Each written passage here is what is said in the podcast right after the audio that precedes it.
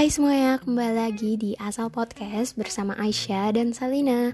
Tapi kali ini aku juga sendiri, nggak ditemenin sama Aisyah, tapi nggak apa-apa lah ya. Oke, kalian semua apa kabar? Semoga baik-baik aja. Jangan lupa untuk stay safe, stay sane. Tetap ngikutin protokol kalau mau pergi ya Nah, tema yang hari ini aku angkat itu masih terkait tentang pandemi, tapi dari sudut pandang pendidikan loh. Kalian mau tahu nggak judulnya apa? Judulnya itu Gangguan Kesehatan Jiwa Mahasiswa selama program belajar jarak jauh atau yang bisa disebut dengan PBJJ.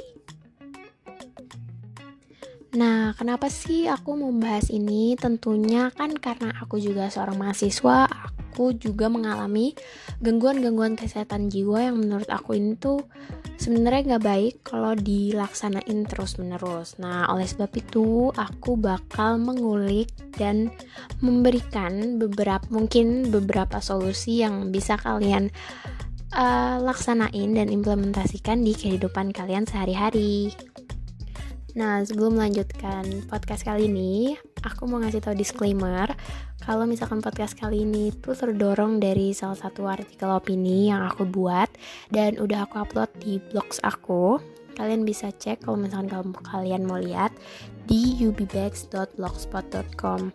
Di situ aku juga banyak sharing-sharing tentang cerita-cerita aku dan artikel lain yang mungkin kalian bisa lihat.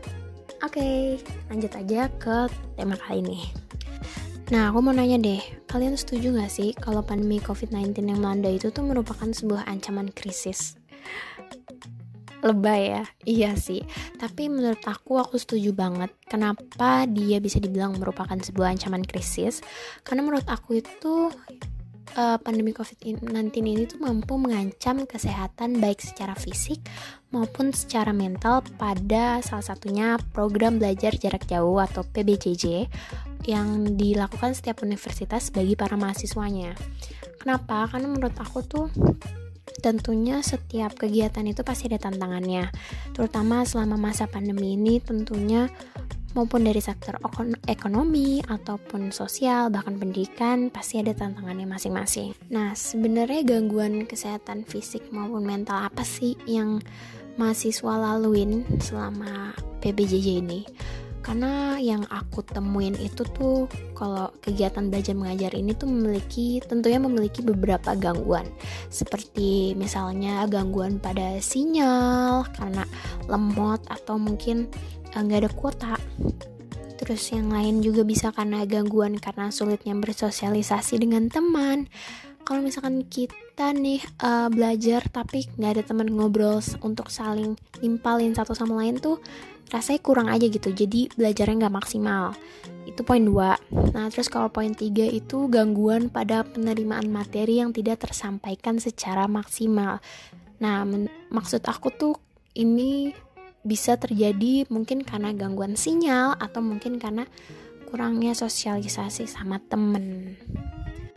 Nah, menurut aku dari gangguan-gangguan itu tuh tentunya pastinya akan berdampak pada motivasi belajar kita juga nih dan pastinya ada tekanan akibat pembelajaran yang kita lakuin secara mandiri. Nah, menurut kita ya kita jadi tertekan banget gak sih karena harus menyerap semua materi pembelajaran yang dikasih sama dosen kita secara sendiri. Kan kalau misalkan kita masuk ke kampus, kita bisa langsung nanya, kita bisa langsung apa ya, bisa langsung sharing sama temen dan karena sekarang lagi pandemi, kita jadi perlu semuanya dilakuin lewat dilakuin lewat teknologi. Jadi nggak bisa langsung rasanya tuh kayak kurang gimana gitu, kurang puas. Nah, selain yang udah aku sebutin tadi, ternyata tuh faktor lainnya tuh ada dari tugas yang menumpuk akibat dari pemberian setiap dosen. Menurut aku tuh hal itu tuh membuat mahasiswa jadi meninggalkan rutinitas sehari-harinya karena bekerja di depan laptop selama seharian penuh. Ya gimana nggak stres ya guys, karena ya hidup kita berorientasi sama laptop dan pekerjaan kuliah kita. Nah, dengan adanya tugas yang menumpuk tuh tentunya membuat mahasiswa bekerja di depan laptop seharian penuh sehingga mahasiswa menjadi lupa untuk beristirahat dan tidak memiliki waktu untuk bersantai.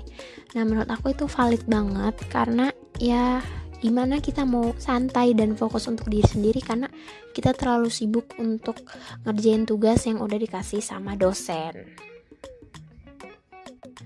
Nah, selain itu juga tuh banyak mahasiswa, bahkan teman-teman aku yang ngaku bahwa mereka tuh jadi tidak memiliki sarana untuk menjadi lebih produktif, bahkan terhadap kehidupan mereka sendiri.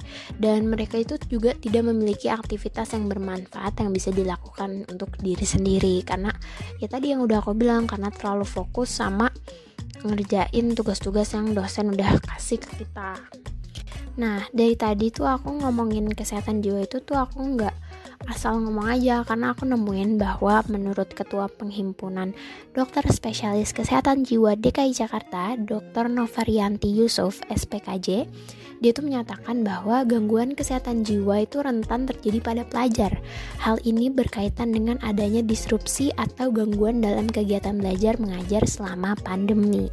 Nah, jadi relate banget kan sama tadi yang aku udah jelasin tentang gangguan-gangguan dan disrupsi apa yang ada dalam kegiatan belajar mengajar selama online ini. Nah, oleh karena itu, PBJJ yang dijalankan oleh setiap universitas di Indonesia ini tuh merupakan tantangan yang besar ya bagi setiap mahasiswa. Seharusnya itu di masa pandemi COVID-19 ini yang menjadi poin utama kita adalah untuk menjaga kesehatan jiwa dan apa ya untuk tetap maintain diri kita sendiri supaya kita tidak stres di kemudian hari karena tidak diragukan lagi bahwa teknologi itu tetap nggak bisa ngebuktiin untuk menggantikan peran guru, dosen, dan interaksi belajar antara pelajar dan pengajar. Maka dari itu tuh kayak memang benar sih kalau misalkan kita belajar melalui teknologi tuh rasanya kurang kurang maksimal gitu untuk menyerap segala informasi yang kita terima dari dosen atau pengajar kita. Oleh sebab itu, um, menurut aku, sebagai upaya untuk mengatasi persoalan tersebut tuh tentunya diperlukan peran para pengajar serta keluarga untuk tetap memberikan waktu dan ruang bagi mahasiswa agar mereka tidak merasa tertekan terhadap kegiatan belajar mengajar selama pandemi ini. Dan aku setuju banget karena aku sebagai mahasiswa aku juga perlu me time, quality time untuk diri aku sendiri.